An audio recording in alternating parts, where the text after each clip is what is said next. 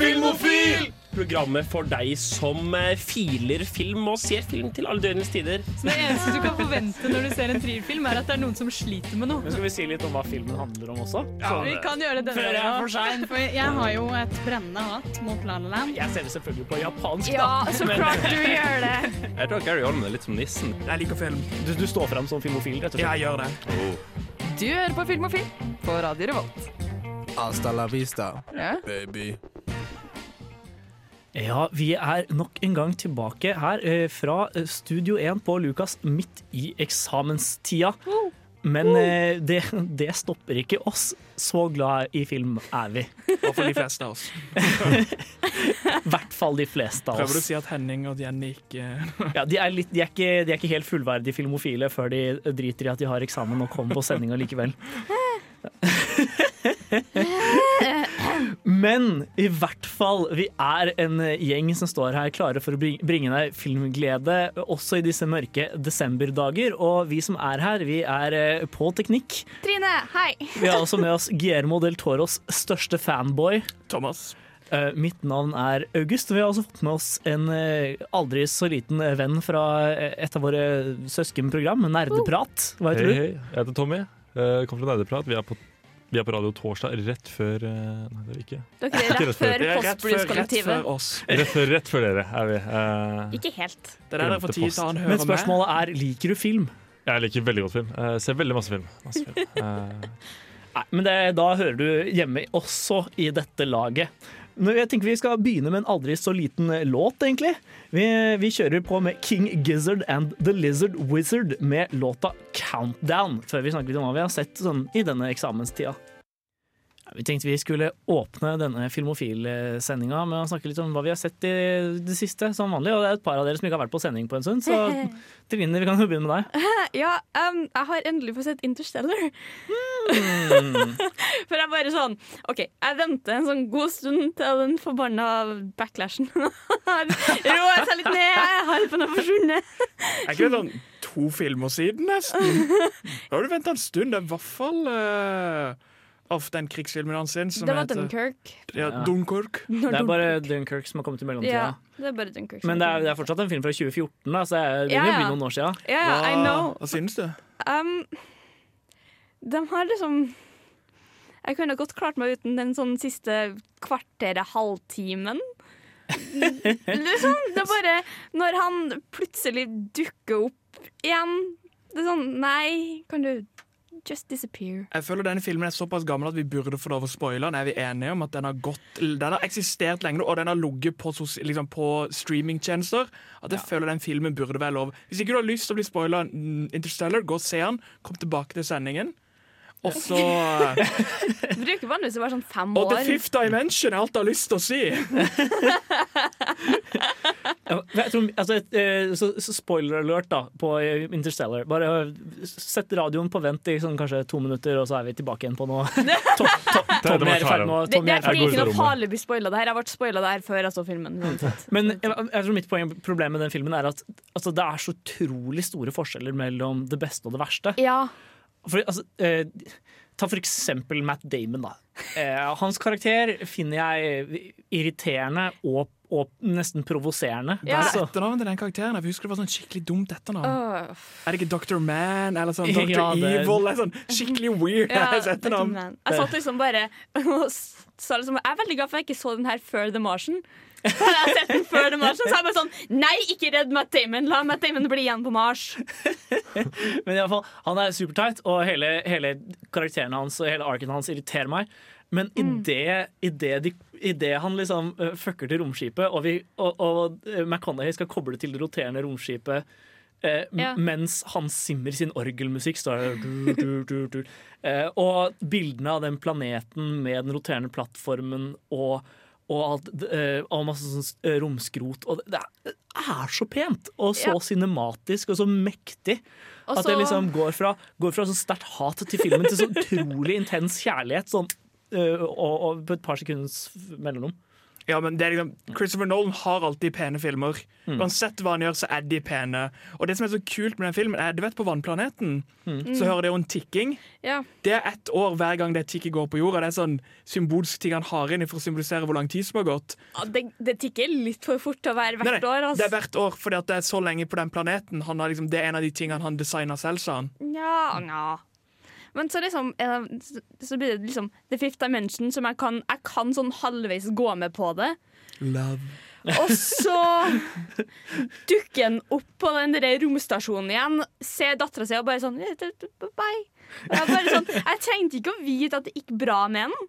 Han kunne godt ha forsvunnet i verdensrommet, liksom. Jeg tror det hadde blitt bedre om han hadde forsvunnet. For det sånn, hele filmen handler om hvor vast space er, og hvor stort tid og rom er. Og når han kommer tilbake, så føles det så lite.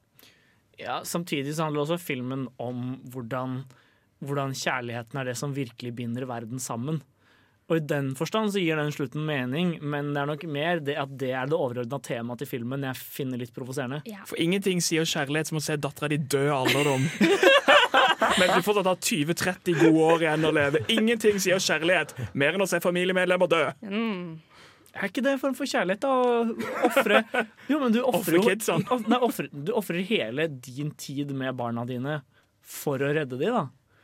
Fra, fra verdens undergang. Jeg syns det er en, en sterk form Ja, for kjærlighet. Men hun er liksom bare sånn Hei, fint å se deg, men jeg har min egen familie. Go away. Sånn OK. Um, mm, sure.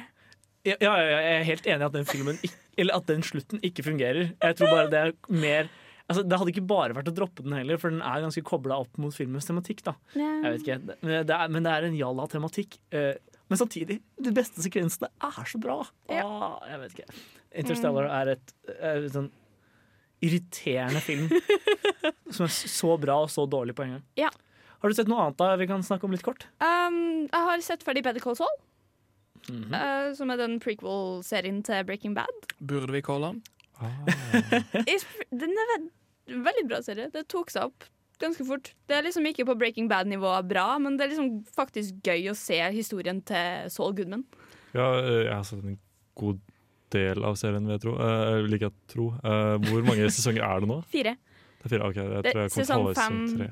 Sesong fem kommer neste år, og forhåpentligvis så får de ikke noe mer sesonger enn det, fordi Breaking Bad fikk fem, kan bare Better Call Saul bare også få fem. Ja, jeg vet ikke hvor langt jeg har kommet inn i den delen nå. Så er det litt sånn Men det er ganske langt tilbake, virker det som. Ja, de setter jo serien i sånn 2002-2003, og han dukker opp i 2007 eller noe sånt i Breaking Bad.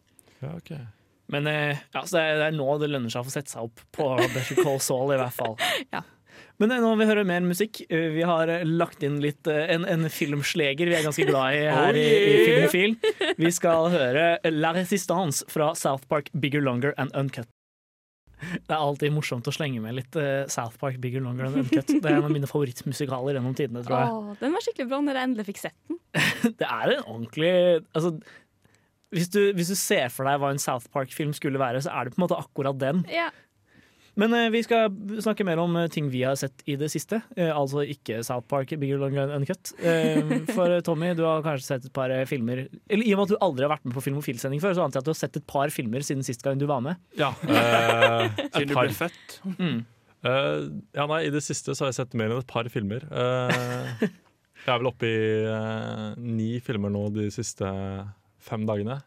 Mm, det er jo ikke så verst. Så det, det hoper seg opp nå. Eh, og alle filmene er av uh, Dwayne The Rock Johnson. uh, jeg har satt meg som et mål om å se alle filmene Dwayne har vært med i. Uh, Du føler at du er på Dwayne-nivå, liksom. Det er ikke, det er ikke Mr. Rock eller Johnson. Det er du føler du har kommet connection, og sånn er Ja. det bare Dwayne. er det bare Dwayne. Som John Oliver kaller han. The Rock Dwayne Johnson. Um, men eh, Nei, Rock the Dwayne Johnson. men eh, i hvert fall hva, hva var det som fikk deg til å begi deg ut på et uh, The Rock-maraton? Liksom?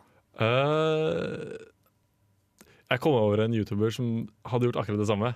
uh, og så så jeg den videoen, og så var det sånn OK, det er kult. Um, alltid vært litt sånn småfan av The Rock, liksom. Sånn Hvem er ikke det? En mann med sykt mye sjarm og karisma, liksom. Mm, nice. Han er en uh, veldig mannlig mann, uh, kan man si. Så det du sier, er at du følte du måtte se på mennemenn på, på filmene dine? Bicepsen hans er større enn hodet mitt, liksom. uh, jeg syns det er grunn nok, jeg. Ja. ja. Men, men ja, så har, du, har, det, har det vært noen høydepunkter så langt? Det har det. Eh, jeg føler meg litt teit, for jeg, egentlig, jeg burde egentlig starta fra den første filmen han eh, gjorde, til og liksom jobbet meg oppover derfra til Mm. den siste. Men jeg startet med Jeg starta med Jumanji, Oh, welcome to som er, jungle! eh, som er en av de nyeste Det er vel den nest nyeste filmen hans. Ja, noe sånt. Ja, noe Eh, og den var faktisk veldig overrasket over at den var faktisk veldig bra. Den var faktisk veldig, den var, den var, den var litt, jeg syns det var veldig bra med det at jeg syns skuespilleren hans var ganske on point i den filmen. det, er liksom, det var veldig gøy å se han spille en sånn twin, Ja, twinner, sånn nerd. Liksom bare Don't cry, det. don't cry. Yes. Jeg jeg syns den filmen var mye morsommere enn jeg på en måte hadde forventa at en Jumanji-film skulle være. Ja. Ja. Og jeg føler jo det er noe av, noe av greia til The Rock, er at han klarer å gjøre selv sånne filmer som burde vært skikkelig dårlige, til veldig severdige opplevelser. Ja. Men igjen, jeg vil også legge mye av Jumanjis ære på Jack Black. Ja. For Jack Black er eh, den beste i hele den filmen. Han er fantastisk. Basic teenage bitch. Ja, jeg skulle nevne at den, Jesus, Jack Black gjorde en helt sinnssyk performance på den, eh, den filmen. Det var helt sjukt. Um, Han burde vært Oscar-nominert for den. Hvor er, hvor, ja, hvor er Oscaren for, for Jumanji? Og faktisk ikke irritert over Kevin Hart. Jeg er bare sånn OK, du irriterer meg ikke så mye i filmen her. Jeg er fornøyd. Eh, Hva har vært lavmålene, da? mm, lavmålet hittil er um, Jeg tror det er hit, ah, Jeg er litt usikker på hva som er mest lavmål, for jeg har, liksom, jeg har holdt meg til de nyeste filmene hittil. Har liksom Ja. ikke sett Eh, Scorpion men King. Men Doom, Doom er det verste lavmålet hittil. Jeg har, det, jeg har gått så langt tilbake, og Doom er eh, Den er bare dårlig, liksom. Vil du si han er litt doomed? Oh. Den, den, uh, ja. jeg skrur av mikken er- din, jeg, Thomas. Jeg bare går over til Tommy sin. Eh, ja, nei, uh, Doom var en helt forferdelig film, liksom. Hva, hva handler den om, egentlig? Den handler om um, eh, Basically disse militærfolka som Eller det handler først og fremst om denne portalen som fører deg til Mars. Hvor egentlig, Mhm. hvor Er det basert på spillet? det, er, det virker sånn, fordi det er en scene hvor de har, har sånn GoPro-scene Ja. som virker som du har, er en spillperson, Det er. First person. Ja, first Så person, det er en sånn gammel film, sp nei, spillfilm med sånn tidlig The Rock. Det høres ut som en perfekt kombo for en god film. Ja, ja, for spillfilmer går jo Generelt jo alltid bra. Hey, jeg så Angry Birds-filmen, og den var faktisk helt OK. Men der, der er du Ja. animert fra før av, og ikke så mye story, så der kan du gjøre ganske mye. Ja, altså Angry Birds-filmen er en av liksom, de fem spillfilmene med høyest Rotten Tomato-score. Og jeg føler Det sier ganske mye om den sjangeren som helhet. Men eh, nå er vi dessverre nødt til å høre en låt. Vi skal høre Simple Minds med Don't You Forget About Me. Å, enda en god sånn filmlåt. Jeg så opp igjen The Breakfast Club med, med kjæresten min, som aldri hadde sett den før, tidligere i høst.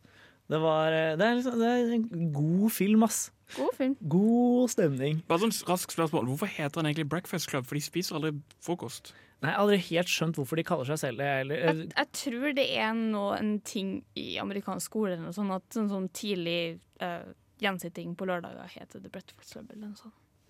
ja, rar ting. det, jeg tror det er en sånn der kulturell greie som vi ikke forstår. Ja. Fordi, ja. Jeg tror det er veldig amerikansk. Men eh, vi skal snakke videre om eh, sånne ja, ting vi har sett denne eksamenstida. Vi går videre til deg, Thomas. Du har også gått på sånn uh, skuespiller-binge. Ja, eh, meg og Tommy er jo da roomies, eh, så vi har da, jeg fant ut når han skulle ta for seg The Rock, så måtte jeg jo ta for deg den enda bedre skalla skuespilleren vi har der ute, som er Vin sånn, sånn? Diesel. Så jeg har sett på Vin Diesel-maraton med litt sånn eh, de gode gamle filmene. Og please si at du så Operasjon barnevakt. Den, og så har jeg sett litt sånn eh, eh, Så jeg har sett litt sånn Riddick-filmer. Riddick hadde Og jeg har så softspot for Riddick-serien. Jeg bare elsker for Tommy kom ut i dag da jeg satt og så Chronicles of Riddick, eh, Riddick og han bare Hva faen er dette her? For den er sånn altså, The Chronicles of Riddick er en så rar film. For altså, Pitch Black er jo en veldig sånn self-contained liten uh, action-thriller som fungerer kjempebra, etter min mening. Da. Den treffer min indre 13-åring rett i hjertet. Men uh, uh, i toeren finner du ut at nei, nei, vi må, vi må eh, utvide dette universet. Gjøre det til litt mer sånn en, en stor grandi, et stort, grandiost fantasy-ep eller fantasy sci-fi-epos. Og ikke bare litt. Det er ikke sånn at vi skal litt unøst. Nei, vi skal ødelegge mythos, religioner, gud. Liksom. Vi går hard. Og den T-scenen er jo bare verdt det i seg selv. You're gonna kill me with that teacup. Yeah. Oh, wow. Det jeg stilte størst spørs spørsmål på, var egentlig eksplosjonene og brillene hans. Solbrillene. like, what are those? Altså, oh, han, han har sånn ultrasensitivt syn, så han kan se i mørket, OK? Og derfor Sånn. man går med solbriller. Og Og tanktop. Alltid. Ja. Og det og det faktum at han kan ikke settes fyr på, tydeligvis, for han bare ryker i stedet. Det er det er sånn han dekker seg selv med vann, og så redder han noen, så snur han seg, så er det bare damp over hele han. Og det er sånn fantastisk cringe, og det jeg elsker det. Ja. Det er en guttefantasi. Altså, I, i treeren, i, i den som heter bare Riddick, så fant de ut at nei, la oss heller bare gjøre det til en sånn enkel Det er sci-fi-greie. bare remake eneren, bare mer action i. Ja, og det funker også. Den serien er veldig, veldig rar og morsom og gøy. Eh, Alle burde se den. Og så har jeg og min andre roomie, som også er på radioen, det er da Lukas fra Blyforgiftning. Vi har eh, Han har vist meg litt sånn, sær, se- sånn sære sosial ting. Jeg Vet ikke hva jeg skal kalle det, men jeg har sett Who's, Who is -hmm. Har noen av dere sett den? Nei. Det er da Session Barra Cone Bear hva, hva heter han det? Sasha Baron Cohen. Som da går undercover og intervjuer en haug amerikanere som far left people, military leaders, og bare fantastisk faenskap. Det er så For det er sånn, han bare tar det så langt. Sånn som han intervjuer eh, av eh, Dick Cheney, eh, og bare sier I felt it was too little water torture. Can you sign my water torture set? Han har vi sånn sett og får han til å signere det.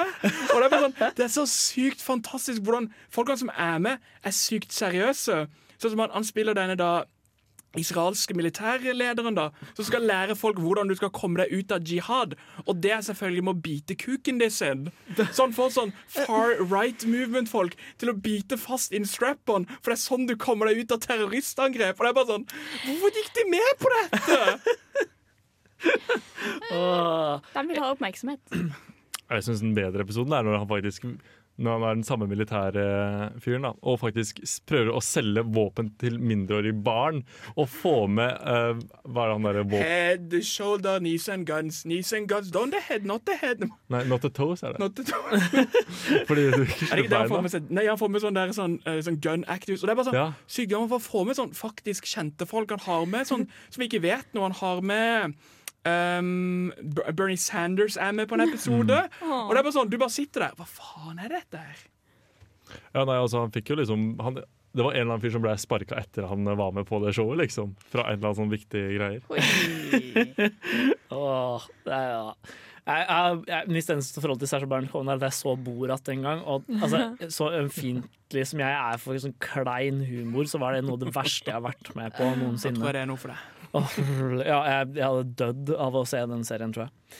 Men eh, nå skal vi høre en låt til. Vi skal høre 'Honningbarna' med 'Sant', etterfulgt av en liten pause. Hei, mitt navn er Atle Antonsen. Du lytter til Filmofil på radio Revolt, og det gjør du helt til programmet er ferdig. Og det er langt fra enda. Vi har fortsatt halvannen time igjen med filmprat bare for deg. ja, det er ganske flott. Men eh, jeg har også sett på film i det siste. Oi, dæven. Ja, hvem skulle trodd? Eh, jeg, har, jeg har sett eh, både, både bra og dårlige ting, for å si det sånn. Hvilken skuespiller har du binga? jeg har ikke, ikke vært på noen skuespiller-binge. Det har mer vært litt sånn et eklektisk utvalg, kan man vel si. Eh, Blant annet sett Trolls. Eh, Oh. Den animerte Den animerte. Og det er, det er en fascinerende tendens i Hollywood nå til å, at noen av de mest kompromissløse animasjonsfilmene er de som er basert på sånn skikkelig skikkelig tacky merchandise. Ja. Altså Det er faktisk overraskende relevant å sammenligne eh, Trolls-filmen med Lego-filmen. For begge er basert på eh, en veldig sånn kjent, og, kjent barnefranchise. Ja. Og eh, begge er utrolig kompromissløse i stilen sin. Der Lego-filmen har sånn Lego-tekstur og alt er Lego-klosser, så har Trolls-filmen sånn derre skikkelig genuint filttekstur. Det ser ut som alt er laget av film. Nei, av filt. Og det var- sånn at jeg de første minuttene var liksom Er dette delvis stop motion, eller noe sånt? Men så, og så er det noen av sekvensene som er så sykt kompromissløse. At det, er, det, er en, det er en skikkelig sånn syre-rave hvor en ildflue flyr inn i munnen på en person, og så blir det diskokule ut igjen, eller diskolys ut gjennom øynene på vedkommende. Det er liksom, hjelp. for ikke å snakke om et cover av The Sound of Silence med sånn syngende solsikker og en edderkopp som sier 'hello'. Det er, det er, det er skikkelig syre. Og så er historien overordna ganske kjedelig, og budskapet er ikke noe interessant. Men, men noen av sekvensene var faktisk sånn oppriktig morsomme. Og så har jeg også sett litt seriøse ting. da. Jeg var på kino i eh, går, faktisk. Og på Cinemateket, og så Roma Åh, av Alfonso Cuarón. jeg har så lyst til å se det. Den er verdt å, verdt å få med seg, altså. Men jeg har ikke råd. Jeg har 200 kroner på konto. Og det skal jeg leve på. Ja, den hadde vel siste dag i dag uansett, tror jeg. Ja, jeg tror det. Ehm, men den, den har fått sånn limited release på cinematekene i Norge. Ja. Fordi eh, Amazon ikke vil slippe den på vanlig kino.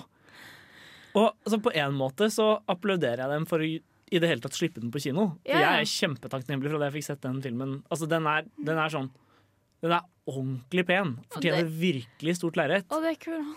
Hmm? Og det er Alfonso Kuran. Ja, og den er så. Åh! Det er helt sjukt Cuarón. Det, det er liksom man har tenkt at hvert shot burde, Det hadde ikke vært bedre om hvert shot var en long take. Så alle tagningene er sånn ordentlig lange og deilige og pustende. Og den er full av sånne ting jeg liker. Sånn derre skikkelig glatte panoreringer og tiltinger og, og sånn er Veldig lite sånn håndholdt kamera. Oh. Og bare masse sånn Masse deilige trackinger, og alt er så Alt er sånn Så litt sånn Children of Men. i, Ja, men i Children of Men så er det jo en god del håndholdt. Ja ja, Eh, men det er mye Det er mange Eller det er et par er, Men i Children of Men så er det et par veldig spektakulære one takes. Ja. Mens her er på en måte bare alt lite spektakulære one takes. Eh, og det er så deilig å se på. Pluss at du har et sånn, et sånn skikkelig money shot hvor du merker at oi, her har de, her har de lagt inn støtet. Um, og Bra, historien. Trine. Nei, det går ikke bra! Den kommer på Netflix. Jeg har hørt rykter om at den kommer på Netflix I Norge eller ikke? i Norge Okay. på et tidspunkt. Jeg vil bare se Ja, den overordnede historien om en sånn uh... Folk som ikke ser det, så har nå Trine gjemt seg under bordet. Ja. Men eh, ja, det er, det er i hvert fall en skikkelig skikkelig bra Cuaron-film som alle burde sjekke ut. Hvis de, hvis de får muligheten de kommende, kommende tida. For da tror jeg nesten jeg kan banne på at det er flere cuts i slåssscenene i Riddick enn det det er hele den filmen til sammen. For jeg, jeg ga opp på sånn 40 etter 10 sekunder, liksom. Det, det er så mye klipping i de filmene. Altså, Liam Neeson bruker flere klipp på å hoppe, et, hoppe for et gjerde enn det Cuaron bruker på Ja, men det er en stor- storstilt ja. actionscene. Han bruker ganske mange takes, så det sier ikke mye om filmen. Det kan være mellom 200 til 300 takes. På, på, hoppe for et gjerde, ja. Alle vinkler. Ah, jeg husker den. Det, for dere uinnvidde der ute, søk, der ute, søk opp uh, Liam Neeson 'Jumping a Fence'. Det er en underholdende, underholdende liten video. Nå må vi høre mer musikk. Vi skal høre en 80-tallssleger, nemlig 'Journey' med 'Don't Stop Believing'. Å, velkommen. Altså, det der fikk dere høre også 'We Are The Champions of Queen', må jeg nevne før vi går i gang her. Det er sånn, det merker at det, det er liksom eh, Det er ferdig for semesteret, og Film mot chill bare Nei, vi skal ha vår musikk! Hun merker at vi har fått, fått bestemme vår egen musikk i dag. Eh, Ja. Det, Eh, Nok en gang et temmelig eklektisk utvalg. Det var det siste òg. Da åpna vi med Allstar. Det, det var Høres rett ut. Jepp. Eh, Shrekkis uh, Nei, Ikke? no. Ja ja. I hvert fall, Trine, du har en, eh, du har en liten eh, nyhet vi hadde tenkt å diskutere. Ja, for det var jo noen av oss som så Mandy, eller akkurat nå så er det bare i august, som Jeg så Mandy. som så Mandy på Ramaskrik. Den har blitt diskvalifisert fra Oscaren fordi Hele Oscaren, eller bare visse kategorier? Hele Oscaren. Oh. Fordi den kom på video on demand for tidlig. Seriøst? Ja, den gikk ikke i den eh, Den, den må gå så så lenge i en amerikansk uh, Nei, en Hollywood-kino først, før den kan være liable. Er det ikke det? Ja, den må gå i LA på limited screening i en uke og ha minst tre screeninger før den kommer på video on demand. OK, de Og er den- så strenge på det. Ja, og den kom på video on demand ganske tidlig. Den kom før den hadde visst tre visninger. Så Det er- derfor er den diskvalifisert fra Oscaren. Det er en trist fuck-up. Men det er, sånn, for det, det er det som er problemet med Oscaren. For det er jo en stor debatt om Oscaren begynner å bli for dated, siden alle de som stemmer, er sånn 90 år gamle menn som ikke engang ser på filmene. Det har jo endra seg litt der, da. Ja, de, de gjorde noen tiltak etter den eh, hashtag Oscar so white, som var for et par år siden. Uh, ja, men det var, det var, det var temmelig hvitt. det var Um, bare hvitt. Men, eh, men de, de endra litt på sammensetningen til akademiet da, så det ble litt mer bredde. Men eh, hvorvidt, de er, hvorvidt de er dated nå, handler nok også vel så mye om at de ikke er med på streamingovergangen, akkurat. Ja, for det er det jeg lurer på. Um, gjelder denne regelen også for international movies og short movies? Uh, ja, altså uh, den norske filmen Tu- Tuba Atlantic, uh, eller Tuba Atlantic, Ja. eh, skulle jo egentlig bli diska. Eh, fordi den hadde blitt vist på NRK før den ble vist eh, Eller før den ble submitta til Oscar, eh, til Oscar eller et eller annet sånt. Um, og, ja, så så de, har, de har tradisjonelt vært veldig strenge på at nei, det skal være kino som er på en måte hovedlanseringskanalen for alle filmene som kan vinne en Oscar. Eh, det gir mening, til at i betraktning at eh, akademiet på en måte organiserer bransje, bransjefolk som tjener mer på, på kinovisninger enn andre ting. Ja. Eh, men samtidig så gjør det at de nå mister flere og flere filmer som kunne vært veldig relevante å ha med. da. Jeg sier meg også enig der, men det er også det at jeg føler veldig Oscarene er veldig elitisk akkurat på hvilke filmer de velger. Fordi jeg som norsk filmfyr har ikke sett halvparten av filmer som er nominert, fordi de har ikke kommet til Norge. Fordi at det ikke er stor nok interesse blant mainstream cinema-goers. Så det at hvis filmene hadde kunnet komme på streaming, så hadde det gjort det mye mer interessant for meg, hadde jeg syntes. Ja, Det er jo en annen ting. Det har vært veldig overgang de siste Ja, jeg vet ikke helt når den tendensen begynte, men i hvert fall, eh, det har vært, det har vært gradvis siden 80-tallet til at man, man ikke lenger gir flest Oscarer til de største filmene. Eh, sånn, som, sånn som Ben Hur, da, som vant elleve Oscarer. Eh, er en av de mestvinnende øh, f- Eller Ringenes herre. ja, ja, nei, Ben Hur er ikke mest Jo, den er på delt eh, tredelt førsteplass, da, med, med, med Titanic og Ringenes herre, atter en konge. Men i hvert fall, eh, det var jo også en kjempestor og veldig veldig innbringende film. Og på 50-60-tallet så var det liksom det som var normen, da. Hvis du lagde den største og mest innbringende filmen, så var den ansett for å være den beste filmen. Eh, Det er jo greit at det ikke er helt sånn lenger. Ja, på en måte så setter jeg jo pris på at det ikke er sånn Transformers Age of Extinction som, som vinner Oscar for beste film, fordi den, selv om den tjente latterlig mye penger. Men det har jo gjort at ja, filmene som vinner Oscar for beste film, har lavere og lavere inntjening og egentlig representerer mindre og mindre av det folk faktisk ser på. da. Det er jo nesten blitt en markedsting å vinne en Oscar før filmen blir stor. Du vinner en Oscar, slipper winner off, og så går de på kino i resten av verden, nesten. Ja, Det er jo det, er det som er strategien. Ja. Ja. Eh, første filmen som gjorde det, var faktisk Hjortejegeren. Eh, det første Oscar, eh, som kom. Og altså, den er jo Den, er- den fortjener jo det. den, er, den er ordentlig bra. Jeg synes også det er gøy å se at eh, liksom, Jeg følger litt med på trailer og sånt, og se at de der Oscar-bait-filmene holder på å komme ut nå. Så den der Queen of Scots-filmen som bare virker som en stor sånn Å, jeg gleder Fishing. meg. Jeg gleder meg til den filmen. Ja, det er, det er, en, det er en irriterende tendens. Og det større og større festivalhøsten blir også preget av det. Altså, Venezia er jo mer eller mindre bare en sånn lanseringsfestival for Oscar-filmene. Ja.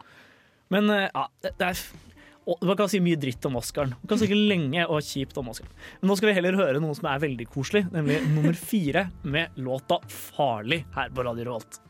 Ah, nummer fire er så deilig å høre på. Ja. Jeg har veldig soft spot fordi norsk musikk er ikke så verst eh, alltid. Men eh, eh, Thomas, du ble litt inspirert av eh, vår prat om Mandy og Oscaren eh, før vi hørte på nummer fire. Og du har, eh, du har kommet med et dilemma relatert til det. Ja, eh, og dette dilemmaet er litt for å være slem, for jeg vil se hvordan dette går. Og tingen er, Du er stuck på en øde øy, og du har bare med deg én film. Og den må du se. Og valgmulighetene dine er oh. Transformers 2, Transformers 3 eller Transformers 4. Oh, Hvilken. Transformers-film velger du å ta med deg på denne øde øyen? Femmeren er ikke et alternativ. Nei, nei, det er to, tre og fire. Ja, ok. To. To uten tvil. Og hvilken av de er det? Uh, det, er den, eh, det er den hvor Optimus Prime nesten dør, tror jeg. Nei, det, Han dør Eller- på eller eller eller Er ikke sånn han halve armen- storyline til alle at han dør, våkner opp og er enda mer Jeg- jeg powerful? Nei, Re Revenge of the Fallen er toeren. Ja. Er det ja, det er det. Ja, det er Revenge of the Fallen, og så treeren er Dark of the Moon. Dark Ja. of the Moon. Nei, bare Dark of the Moon, Ja, tror Dark of the Moon, ja. Michael Bay kan ikke stave, skjønner du. Dark of the Moon. Og, og nummer fire er Age of Extinction. Jeg tror jeg ville gått for uh, Age of Extinction, faktisk. Og Hvorfor det? Mest fordi alle er like ræva, men den står mer på egne bein enn de to andre gjør. Så jeg tror det hadde vært deilig å se en film som var litt mer helhetlig tenkt. Eller litt, føltes litt mer helhetlig. Altså, ta for eksempel eh, Dark of the Moon, hvor de bare bytter ut Megan Fox med en annen dame. Ja. Fordi Megan Fox ikke ville være med lenger. Oh, men hvem er Med det også god er med Age of Extinction som jeg syns er fin? Mark Wahlberg. Nei, det var okay. Det var, Dark, det var Dark of the Moon jeg tenkte på. Ja. Jeg tror Det er, Patrick det er han der er Kim med. Jong, ikke sant? Det er han. Ja, Patrick Dempsey er med i treeren! Kanskje det er den du skal se, da. Nei, jeg vil heller se på Megan Fox i toeren. Ah, men, men ja, det, det er liksom bare Alt er liksom gærent med, med alle de filmene. Denne filmen skal du se på de, de triste dagene på den øde øya når du tror alt annet du har, liksom, du har gitt opp på livet. Og denne filmen skal restore your faith in humanity. Dette er den ene filmen du har med deg. Hadde du hengt deg selv fra en kokosplante? Ja, jeg tror det. Det er liksom uh, Se roboter med baller, liksom. Det, det er toeren, altså! I'm beneath the enemy scrotum! jeg, jeg, jeg må bare anbefale alle å se uh, YouTube-serien The Whole Plate av, uh, av Lindsay Ellis. Det er en YouTuber som har tatt for seg alle grener av Filmakademia og analysert Transformers med utgangspunkt i, i den akademiske grenen. Så begynner med sånn der autørteori, se på Michael Bay som kunstner, og så eh, eh, sjangerteori, eh, feministisk filmteori. Den er, tre, den er tre episoder, for det er mye rart å si om, om feminisme i Transformers. Eh, Marxistisk filmteori, queer eh, gen, Eller sånn, sånn eh, queer film theory. Altså, det, det er veldig underholdende å se. Men husk, du har bare lov å ta med deg filmen. Du har ikke lov å ta med deg denne serien. Ja, det, det er et problem. Uff, jeg vil heller med meg ECA. Bare la meg ha med meg ECA. Nei, nei, nei. Dette er de tre filmene du har velget med. Du står på den øde øya, så sorry, alle andre filmer er tatt. Jeg bare går bort til hele dilemmaet ditt og tar med ECA i stedet for. Det sånn at vi, det, det er ikke noe easy answer her. You're not gonna transform away from this one. Faen, jeg tenkte ikke over at du kunne Åh, Fuckings pants! Hvilken, hvilken ville du tatt da, Thomas? Oh, jeg vet ikke. Jeg tror kanskje jeg hadde gått for uh, Age of Extinction. Uh, Age of Jeg klarer ikke å uttale noe i dag. Den. Age of Eller, eller kanskje Dark Side of the Moon, bare fordi det minner Nei, litt om alt. Dark of the Moon. For det er bare så mye fantastisk dårlig product placement. Og så er det han der eh, Off, Hva er den der eh, fra Nothing Hill? eh, Hva er den heter nå igjen? Hugh Grant? Jeg Nei, det er en, off, det er en sånn Nei, han som spiller i, i, i Grease Anatomy. Grease Ja, Patrick Dempsey! Det var Ja, han ja. jeg kauka om i sånn- stad! Jeg, bare, jeg synes det er fantastisk at han er der. Det er bare så mye weird i den filmen. Ja. Og, og transformende ørn som blir til en TV. Og så bare The fuck, og sånn gammel mann som er et jegerfly fra andre verdenskrig. Jeg bare, What the fuck? Det er jo også den eneste Transformers-filmen med uh, Frances McDormand. Uh, og det er jo et pluss, antar jeg. Jeg vet ikke, jeg skjønner ikke hvorfor hun var med på den, men uh, ja ja. nå skal vi heller fokusere på noe som er hyggelig. Ja. Eh, nemlig eh, Paul Simon med Me and Julio Down by the Schoolyard, etterfulgt av Four Sticks av Led Zeppelin. Ja, der fikk dere altså Four Sticks av Led Zeppelin. Og eh, nå skal vi gå videre til en ny eh, sånn nyhets-ish sak. Eh, for eh, du har mer litt sånn Oscar-nytt, Trine. Ja, fordi eh, Oscaren hadde jo funnet sin um, Faen, da? Token black ja, guy. ja. fordi Kevin Hart skulle egentlig hoste Oscaren eh, i neste år. Det er sånn 2000, ja. Ord ble vanskelig for meg, òg, tydeligvis. 2019 i hvert fall. Ja, 2019. Og det har liksom kommet opp en del sånne gamle tweets som han har tweeta, som er litt sånn ikke veldig snill mot uh, LGBTQ-samfunnet. Så Oscar-komiteen hadde bare sånn Du må si unnskyld. Og han bare Nei, jeg har sagt unnskyld for det her før. Jeg gidder ikke å si unnskyld igjen. Og han trakk seg som host ifra Oscaren. Så det jeg vil spørre om kunne, Hvem kunne dere tenkt dere å hoste Oscaren i 2019? Hmm. The Rock. Nei.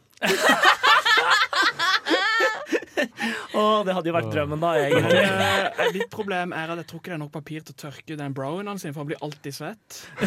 det er sant. Uansett hva han gjør, så er han svett. Ah. Uh, det er et godt spørsmål. Jeg er jo alltid klar for meg girl, girl Ellen skal gjøre det. Mm, For hun er bare fantastisk i alt hun gjør. Ja. Eh, så jeg hadde likt å se henne, men jeg tenker sånn, hvis du skulle gi det til noen nye Vet du hva? Tommy Wiseau. Jeg vil gi Tommy Wiseau. Det er da skuespilleren fra The Room. Oh. Bare tenk dere det, folkens. Tommy Wiseau oppe på den scenen. Det hadde vært fantastisk. Jeg vet ikke om noen Oscar hadde blitt delt ut, men det hadde vært gøy å se på. Det blir litt sånn sånn når han kom opp på Golden Globes. Han var med James Franco og sånn. Fikk uh, pris og bare sånn Nei, du får ikke lov til å prate! Gå bort! Så jeg tenker å gi han hele sendinga, uh, for jeg vil se hvor mye av Oscar som er scripta. For det kommer til å være dårlig, det han er scripta fra sin side. And now the opening speech. Åh, det har vært fantastisk. Dere da, Hvem hadde dere likt å se oppe på, på podiumet? Altså, Jeg har bare sånn seriøse svar. Jeg tror det hadde vært kjempegøy å se Stephen Colbert gjøre det, for eksempel. Å, ja. Jeg tror, han, eh, jeg tror det hadde vært et, et bra alternativ. Uh, jeg tror kanskje Trevor Noah kunne vært kult. Ja, det er også sant. Det, det kunne faktisk vært ganske interessant å se han, han der. Eller, eller bare få hele The Daily Show-castet Ja. til å styre Oscar-utdelinga. ja. Vet du hva? Donald Trump. Ah, nei, alt annet. To give out comments like me. For, fordi liksom det har, det har vært snakk om at liksom, de skal gi det til flere folk. Så det blir litt sånn flere kjendiser som kommer og liksom, hvis det var noe som var bra, så var det jo når James Franco og Anne Hathaway gjorde det sammen. En av de beste hostingene vi har hatt. Og vent, det var ikke det. No, it was not. Hva med de to personene som delte ut Oscar når det gikk galt? Bonnie and Clyde. And the winner is Oh, fuck no. no, no! And here to present the next Oh no, it wasn't that guy. no, nei, han må jo komme ut, og så må du bare I'm not that guy. Ah. Nei, det, det, hadde, det hadde også vært noe. Jeg, jeg, jeg, sånn- sånn, eh, i- forlengelse av Donald Trump altså, jeg, Det hadde jo faktisk vært interessant å se hvordan Bernie Sanders hadde vært Oscar-host. Bare gjort alt til en slags sånn tirade om healthcare. Men det er liksom, hvis man ikke skulle hatt en ordentlig Donald Trump, så kunne man hatt Alec Baldwin som gjør Donald Trump. Oh, det hadde vært så gøy. Men hvem hadde du lyst til å se der oppe da, Trine? Jeg vet ikke. Mm. For jeg tenker, Hvis du skal ha en token black guy, så tenker jeg jo Vi burde jo slippe, slippe Will Smith så nærme Oscar han kommer til å være, liksom. Så bare la han ta Siden han tar over liksom, YouTube Rewind, så kan han også ta over Oscaren. Ja, for han prøvde jo å hoste noe. Det virker som han har lyst til å prøve å hoste noe. La oss hoste noe han passer til, liksom. Ja, det hadde vært gøy. Er, det bare meg, er ikke han like karismatisk lenger som han en gang var? Nei, det hadde liksom vært gøy å se Jeg vet ikke hvorfor, men liksom Jennifer Lawrence og Emma Stone sammen. I don't know why. Jennifer Lawrence kjente på dette overalt. Det vært gøy. Hva med Harvey Weinstein, dere? Oi, oi. Oh, nei, Jeg føler. Will Smith kunne vært kult, men igjen, han er han er litt mer sånn der eh, Hva skal man si? Han har blitt en mer sånn motivational speaker-dude, liksom. Uh. Men Jimmy Fallon har jo gjort det. Han var ikke akkurat så veldig skuespiller, han heller. Og Kevin Hart er ikke akkurat kjent for sin acting chops heller. Ta John Oliver. John Oliver var det gøy å se. Nei, nei, nei det, er bare måten, det er bare måten han Will Smith snakker på. Eller han der eh, James Gordon har også vært gøy. Vi har, vi har mange gode og mange dårlige ideer her på en gang. Eh, Vi får sende det inn som sånn offisielt forslag til, ja. til uh, La oss Anpass. tvitre det etterpå. Bare la Gordon Ramsay servere uh, Oscaren med et par sånne frekke kommentarer. Here's your fucking Oscar, you idiot sandwich. Liksom, det var så fantastisk. Skal vi gå liksom. videre, kanskje? Ja, la oss høre en låt. Dette har blitt sånn filmofil-favoritt denne høsten. Eh, eh, etter at vi så zombiemusikalen Anna and the Apocalypse, har vi ikke fått nok av Hollywood Ending, så vi skal høre den nok en gang. Her får dere Hollywood Ending fra Anna and the Apocalypse. Eh, Ja, til eh, dere som ikke hørte meg synge i studio, så var det nok en referanse til det. Men eh, i hvert fall eh, Vi eh, har fortsatt litt sånn rolig stemning i studio her i eksamenstida. Tenkte vi skulle kjøre på med litt mer sånn uh, rolige, rolig spørsmål. Blir det, det igjen sånn hvilket dyr i Disney du finner uh, nei, nei, ikke noe mest, eh, ikke noe mest sexy Disney-dyr denne gangen. Nei. Zootropolis. Men for jeg, jeg så jo en eh, film av uh, en dyktig meksikansk eh, regissør uh, her Guillermo i del går. Toro. Vi, vi begynner å nærme oss. Nei, Jeg så en av Alfonso Cuarón, men i den anledning tenkte jeg eh, Hvilken eh, meksikansk regissør ville du helst at skulle regissere filmen om livet ditt? Vi har da valget mellom de, eh, de tre store, eh, som er Guillermo del Toro, Alfonso Cuarón og eh, Alejandro González Inarritu. Og så har jeg lyst til å slenge med en joker, nemlig Robert Rodriguez. Oi! Eh, For folk som ikke vet så godt hvem disse folkene er, kan du si raskt hvilke filmer de forskjellige folkene har regissert? Alfonso Cuaron er nok mest kjent for vår generasjon for Harry Potter 3. Men han har også laget filmer som Children of Men, Gravity. Gravity, uh, Y tu mama tambien, er, men eh, nå er aktuell med Roma. Mm. Eh, godeste Guillermo del Toro har laget Pans labyrint, Shape of Water. Sh- Shape of Water, Pacific Rim. Eh, Gonzales Iñárritu har laget eh, The Revenant og Babel. Mm. Og eh, ja, Amores Eh, Uh, Birdman. Birdman er den mest kjente nå. Eh, mens eh, Rodriguez er mannen bak filmer som Småspioner-serien, eh, El Mariachi og Sin City, da. Den mest kjente han her, Men han har lagd mye jalla. Eh, Sharkboy and Lava Girl. Oh, ja. uh, men ja, Tommy, du kan jo få begynne. Altså, jeg må slenge med at uh, Guillermo del Toro også har vært med på å lage PT i spillet, og han jobber nå med Hideo Kojima for å lage et veldig veldig, veldig kult spill. Så Så som nerdeprater så er det Guillermo del Toro som er uh, mest nærliggende. Ja, det tror jeg blir tror du, veldig filmen, lett, det. tror du ikke filmen om livet ditt hadde blitt litt rar hvis det var del Toro som hadde regissert den? Det er egentlig ganske fantastisk, altså, hvis det hadde blitt det. Det hadde vært helt mm. Um, jeg tror vi alle vet, siden nicknamet mitt på denne sendingen er fanboy av Guillermo del Toro, Ja, så er det jo selvfølgelig Guillermo- som skal lage mitt liv. For hvordan, Eh. hvordan, hvordan ser du for deg at han skulle lagd den filmen? Jeg tror det blir noe fushing, eh, fucking of fish people, for å si det sånn. Nei, jeg tenker bare der Så du går rundt og puler fisk? Thomas? Selvfølgelig så skal jo Ed Sheeran spille med i denne filmen. Så Ed Sheeran skal gå rundt og pule fisk? Eh, hadde ikke du sett på det? Hvis Salgspitchen til filmen er Ed Sheeran puler fisk. Jeg liker, jeg liker denne- Ed Sheeran, altså, men Denne sendinga skal hete Ed Sheeran puler fisk. Nei, men det, Han har bare en sånn veldig kul måte med hvordan han gjør cinematografi. Hvordan han er ganske sånn brutal på det han vil gjøre. Og jeg bare elsker å si det. Pluss, hvis han skal lage en film om mitt liv, så må jeg være der som konsulent, og da kan jeg fangirl over han mest mulig. Så det er et taktisk triks fra min side også. Sant. Altså, jeg håper bare han liksom får med seg Kojima i tillegg i mitt liv. Liksom, bare sånn at han kan liksom kommer, spicer opp enda mer med det rare. så det kommer både film og spill om livet ditt? Oh, ja. Det er interactive movie. Ah, ja. Når Tommy fucker fish people. Hvem Hvem du spilt det, da, mon tro? ehm, jeg veit at han jobber veldig tett på med Jeg tenkte sånn skuespiller som du føler har spilt det. ah, um, The Rock. The Rock. Da vil jeg ha Vin Diesel med en ginger gingerparty. Nei, du skal ha Ed Sheeran som OK, fuglefisk. Sheeran. Eh, nei, jeg er ikke helt sikker på hvem som skulle spilt meg. Ass. Det... Tom, Tom Felton. Hvem er det? Malfang. Malfang uh... Nei. Uh, han skal få lov til å slippe å spille meg. Eh, ja. Men Trina, hvilken av de ville du valgt? Um, jeg, jeg har jo lyst til å gå en en annen vei enn dem, selv om liksom, Game of the Toro høres veldig interessant ut. Men liksom, jeg tror det som kjente var mest batshit, det er Robert Rodriguez. Ja, altså, jeg tror Rodriguez hadde vært enda mer crazy enn Ja, Del Toro. men det hadde vært veldig gøy. Sånn en blanding mellom Spy Kids og Machete, liksom. Machete Trine Kills. Jeg kan gå rundt og drepe alle dem jeg har hatt lyst til å drepe. Machete, Trine Kills, Spy Kids. Det, Spy Trine Machete. Nei, jeg tror jeg ville valgt Shark Girl Trine. Eller bare Shark, Shark Boy enn Trine. Sharkboy enn Trine. Nei, Da jeg er tror det du som burde fisk, da.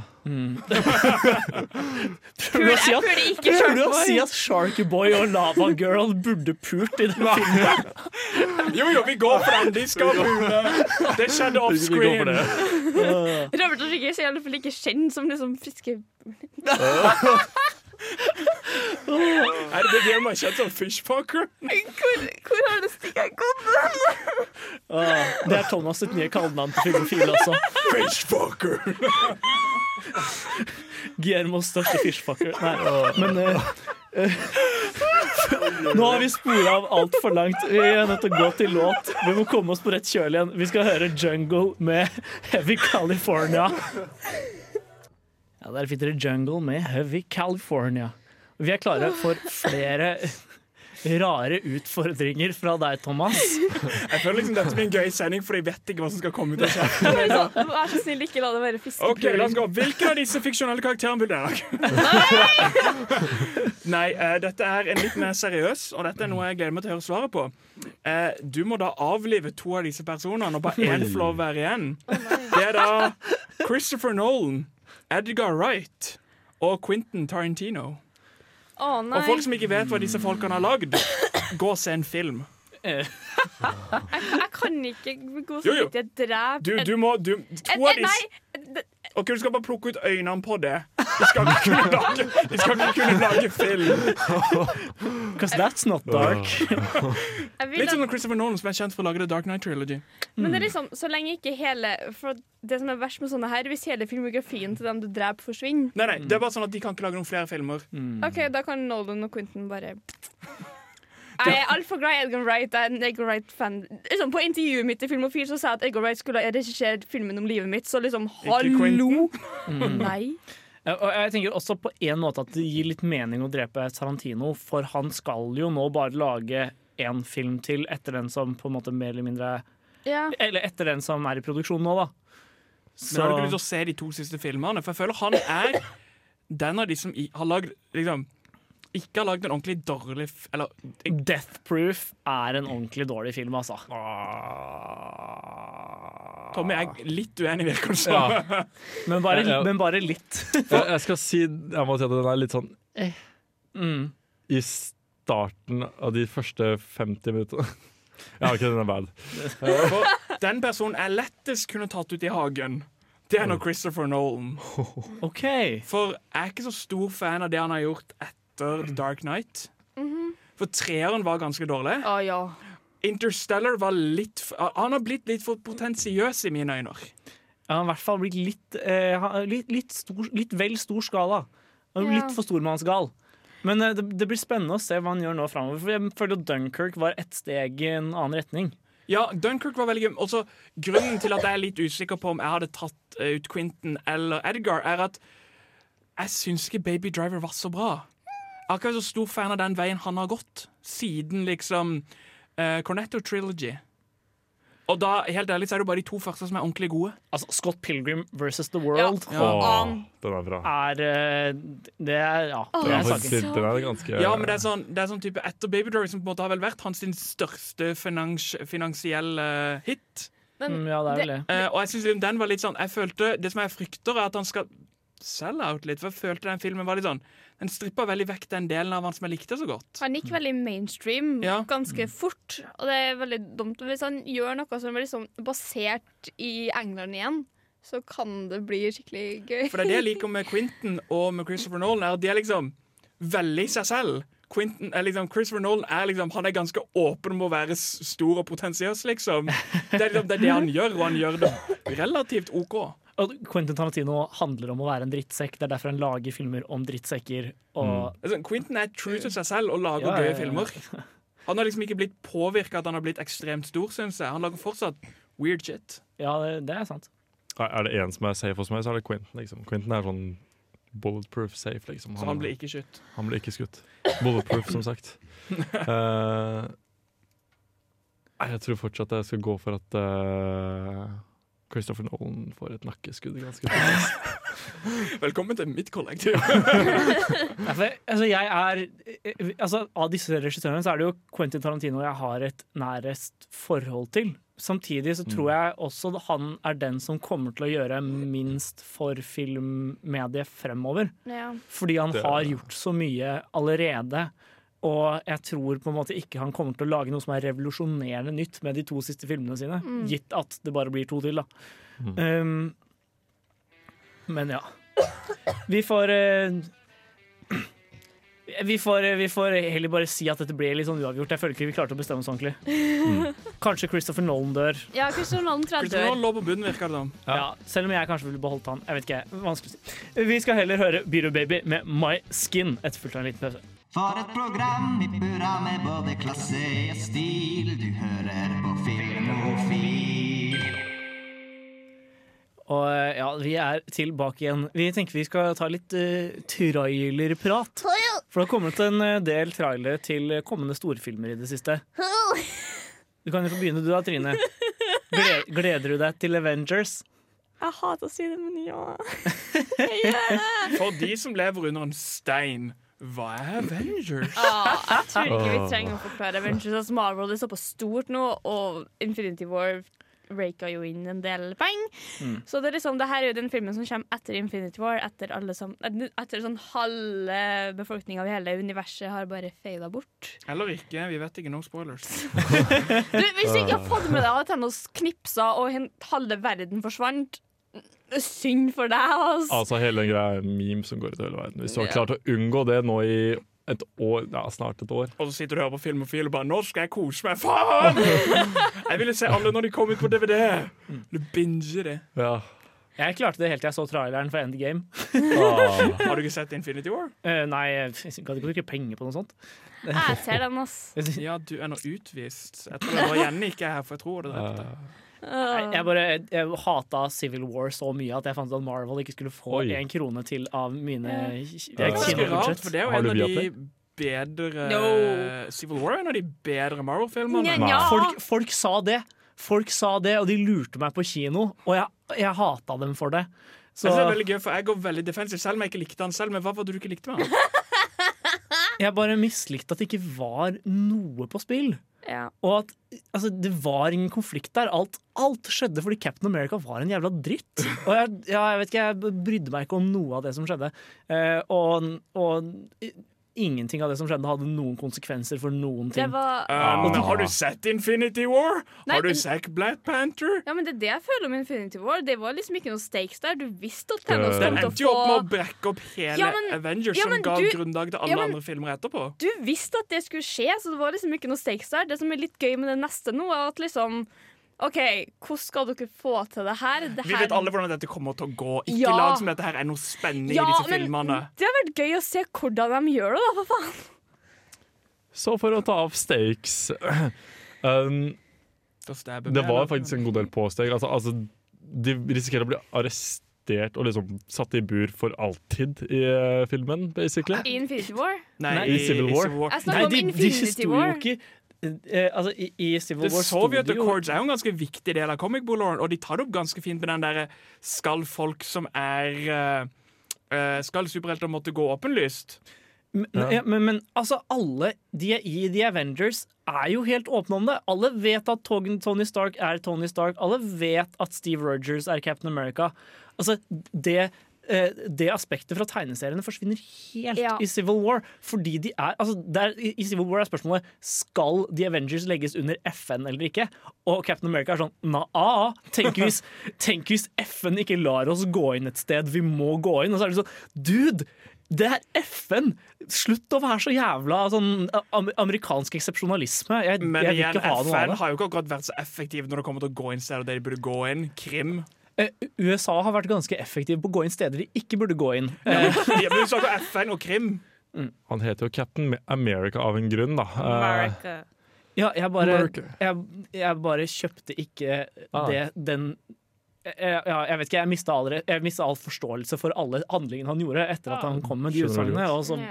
Og så var det ikke noe på spill heller. Jeg synes det også er veldig gøy at han personen som føler de burde følge opp og liksom bli, følge noens regler, er han personen som basically står bak alle feil som noen gang har skjedd. Age of Ultron, Iron Man, alt er Iron Man. Men det gir jo mening òg, da. Ja. Han har forårsaket så mye dritt at han er sånn Vet du hva, vi kan ikke holde på sånn her lenger. Noen må Du kan ikke holde på sånn, Tony. Shut the fuck up, by rest. Det er lett å være på liksom, Iron Man sin side i filmen, men i tegneserien derimot, der er det ikke rett å være på Iron Man sin side. Nei, altså basical tingene er jo at han fuck, Det ble jo sagt at han fucker opp som eh, Tony Stark, men Iron Man er bra for teamet. Men Tony Stark er ikke bra for teamet. Det var det vi likte om Infinity War sin nye trailer. Nei, nei, Endgame sin nye trailer. Ja, det, det, det spora litt av her. Eh, Men jeg har for mye hat mot Civil War til at jeg Jeg, jeg, klarer skjønner, å jeg skjønner det når jeg så det opp igjen. Jeg bare sånn Hvorfor var jeg så Å ja, Spiderman. Derfor var jeg så gira på den filmen. Ja ja. Endgame skjer i hvert fall, og det blir kanskje OK. Hvem vet? Kanskje. Vi skal nå høre en eh, låt som eh, ligger an til å være veldig koselig. Eh, vi skal høre Kurt Vile med 'Walking on a Pretty Day'. Vi skal prate litt mer om sånne filmer som kommer snart. For jeg har også sett en trailer for en superheltfilm som har klart å gjøre meg gira. Oh, nei. Og jeg har også dårlig samvittighet for det. Oh, ikke vær gira for den filmen. Føler du deg litt skitten? Jeg føler meg litt skitten. Men eh, jeg, jeg har sett eh, de to lengste trailerne til Aquaman. Ja. Oi, damn. hvor lang er de? Altså, det, er- den ene er på sånn over fem minutter. Eh, den er sånn, sånn extended trailer, eller hva man kaller det. jeg vet ikke. Men altså, jeg har jo en slags Eller jeg har en, mer, et merkelig forhold til DC sin- sine filmer. Mm. For jeg syns eh, DC sitt filmunivers har en mye mer interessant visuell stil enn Marvel sine filmer. Den er jo det, ja. Alle Marvel tre fargene. Grått, grå, gråere. Ah, men nå har ikke Marvel så mye farger heller, da. De er veldig sånn plaff. Ah, Jo, øh, men, altså, de DC har lagt seg veldig på Zack Snyder sin estetikk. Ja. Og hvis du liker Zack Snyder sin estetikk, som meg, så er DC veldig gøy å se på. Det er, sånn, det er, en, det er en slags sånn visjon der. Mens Marvel-filmene alle ser litt sånn Altså, de, de, de, de ser så dølle og blasse ut. Ja. Fargene, fargene popper ikke. Hadde fargene poppa i Marvel-filmene, så hadde det i alle fall vært gøy. Ja, uh, Det som jeg syns er gøy med den filmen, er at jeg bare kaller det Wet Jeans the Movie. For det er bare, Han har bare på seg våte jeans, og alle vet at det er skikkelig ubehagelig å gå med. Så det vil jeg mene at de forandrer, for at wet jeans are not fun. Og, men jeg, jeg vet ikke helt hva det er med den, men altså de, de, de sier folk som er gode til å klippe trailere. Ja. For, for Suicide Squad. Suicide Squad-traileren var jo bra. ja, den var så bra at de tenkte hva hvis vi får disse selskapene som klippet denne traileren til å klippe filmen, og så var ikke det en god idé likevel. nei. Eh, nei, jeg skal si meg enig at jeg syns faktisk Aquaman ser veldig, veldig kul ut. Mm. Uh, av den enkle grunnen at jeg, jeg liker også Aquaman sånn generelt, for jeg har alltid syntes han var en kul karakter. Men eh, er jeg syns Jason Momoa ser sykt badass ut, liksom. Som, Er det med det Og Ja. ser på noen veldig maskuline menn? Dette her kommer ikke dama til å like, liksom. Og så har den jo ikke akkurat fått de beste anmeldelsene tidlig nå. da. De Det bare, overrasker meg ikke et de sekund. bare Folk bare sånn eh, Basic uh, DC-crap. Og jeg bare faen! Ja, det, det ser jo sånn ut, men Jeg gleder, ah, jeg de, gleder meg sånn til å se Black Manta. Sånn, eh. Men det vi får se litt grann i av eh, den filmen, sånn, er litt, bitte lite grann law. Fra, sånn, bitte lite grann law fra hvordan eh, Da, da mener du lår som i legender, ikke lår som i faktiske lår. Ja. For jo mer du snakker om muskuline menn, så var jeg litt usikker på hvilken av de du ville til. Hei, du ser jo Jason Momoa sine veldig fine lår. Ja, ok, det er sant. Men, Både eh, lår og lår. Både lår og lår. Eh, og det er litt sånn jeg er Tommy en Nok en god sendingstittel. Ja. Tommy the Lawhorn. Ja, jeg bare lurer på om uh... og lårhår og lårhår. Men liksom, problemet mitt med akkurat når det kommer til DC-universet, er den der store debatten om at For jeg har en softspot for noen av filmene. Personlig så likte jeg Man of Steel. For jeg synes det var en gøy take på Superman. Jeg likte ikke den. Eh, Se bort fra det faktum at han hadde litt law. uh, men jeg likte veldig godt eh, Wonder Woman. Det var nice. Ja, det var nice. Den, den, det er faktisk et så bra soundtrack, og vil dere vite hvorfor, så får dere ta en annen sending. For det er veldig mye å snakke om. Jeg liker uh, Der ser du også mye lår. Jeg liker eh, første delen av Eller jeg liker de beste delene av Batman v Superman. Uff da. Ja. Jo, men, men altså, når den er på sitt beste, så er den så utrolig kunstnerisk. Ja, at Så lenge de ikke er på Kauke Martha, så går det fint. Ja, ja, altså, jeg har jeg har mye større sam, Eller jeg har mye større tålmodighet med filmer som går for et eller annet Et eller annet nytt og Ja. spennende enn jeg har for filmer som bare spiller safe. Og Marvel er jo kongen av å bare spille safe. De, gjør det, de gjør det så mye. Forrige gangen jeg følte de liksom gjorde noe litt sånn De prøvde noe litt nytt, var Guardians of the Galaxy, og den er ikke så eksperimentell, den heller. hvis eksperimentell, jeg trodde du skulle si at den ikke var bra, for da holdt jeg på å komme bort der og stabbe bitch. Men, mens DC gjør det hele tiden, da. Og de feiler så, grass, så, så voldsomt så ofte. Men jeg, jeg klarer ikke å la være å ha en del kjærlighet for dem for at de prøver. Uh, ja, nei, Så mye som de prøvde på uh, Batman vs. Superman, så er den beste delen og den eneste gode delen i mine øyne er når, er når Wonder Woman eh, stiller opp med det, det bra soundtracket som jeg liker. Liker du ikke åpningssekvensen? Altså, det er jo den beste versjonen av øh, øh, drapet på Wayne-familien som er gjort. Ja, det er sant. Altså, den, er, den slår både Burton og Nolan, etter min mening. Men, men eh, nå har vi snakket altfor lenge om superhelter. Nok en gang, vi må høre en låt, eh, en jeg er veldig glad i. eh, Nirvana med 'Rape Me'. Ja, nå eh, har du også et dilemma for oss, Tommy. Ja, uh, dette dilemmaet er jo veldig passende i og med at vi har trash-talka både Marvel og DC. Um, veldig- Jeg trash-talker alle superhelter.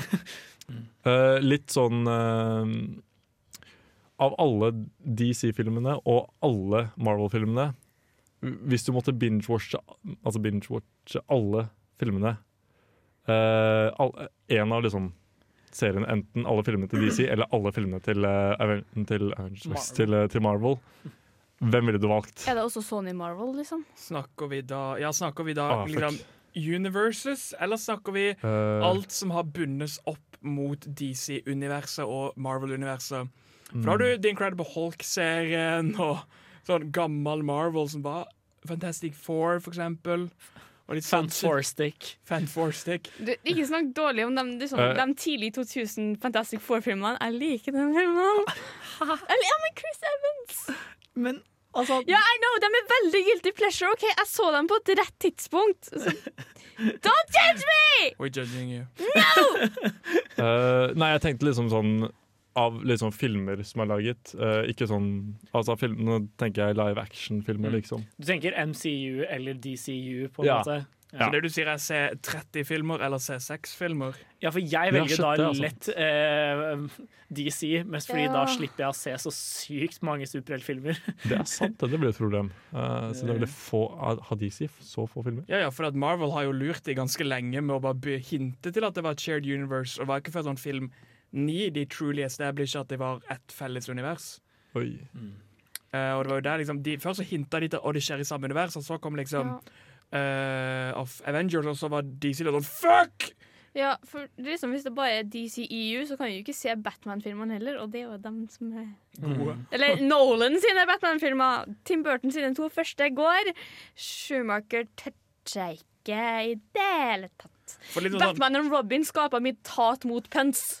Kanskje en mer representativ, eh, et mer representativt dilemma er se alle Batman-filmene som har blitt laget, eller se alle Marvel-filmene.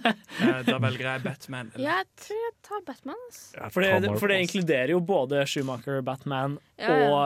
og, og, og eh, For ikke å snakke om eh, Batman hvis Superman. Ja, men da er det mye, det er mye bedre det er, my, det, er mye bedre er bedre Batman-filmer enn det er Marvel-filmer.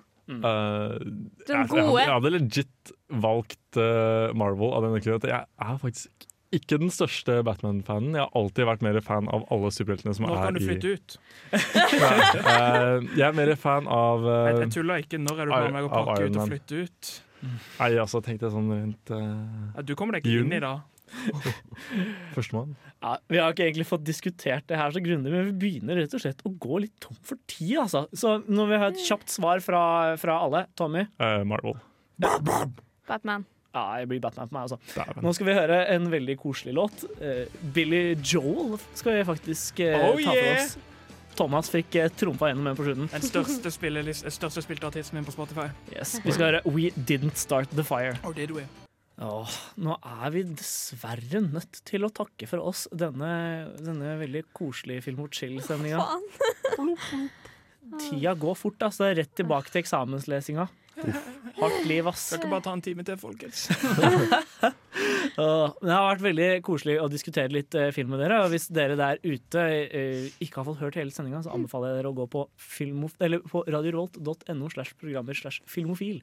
Og Hør om høre fiskepuling. hele sendinga på nytt. Ja.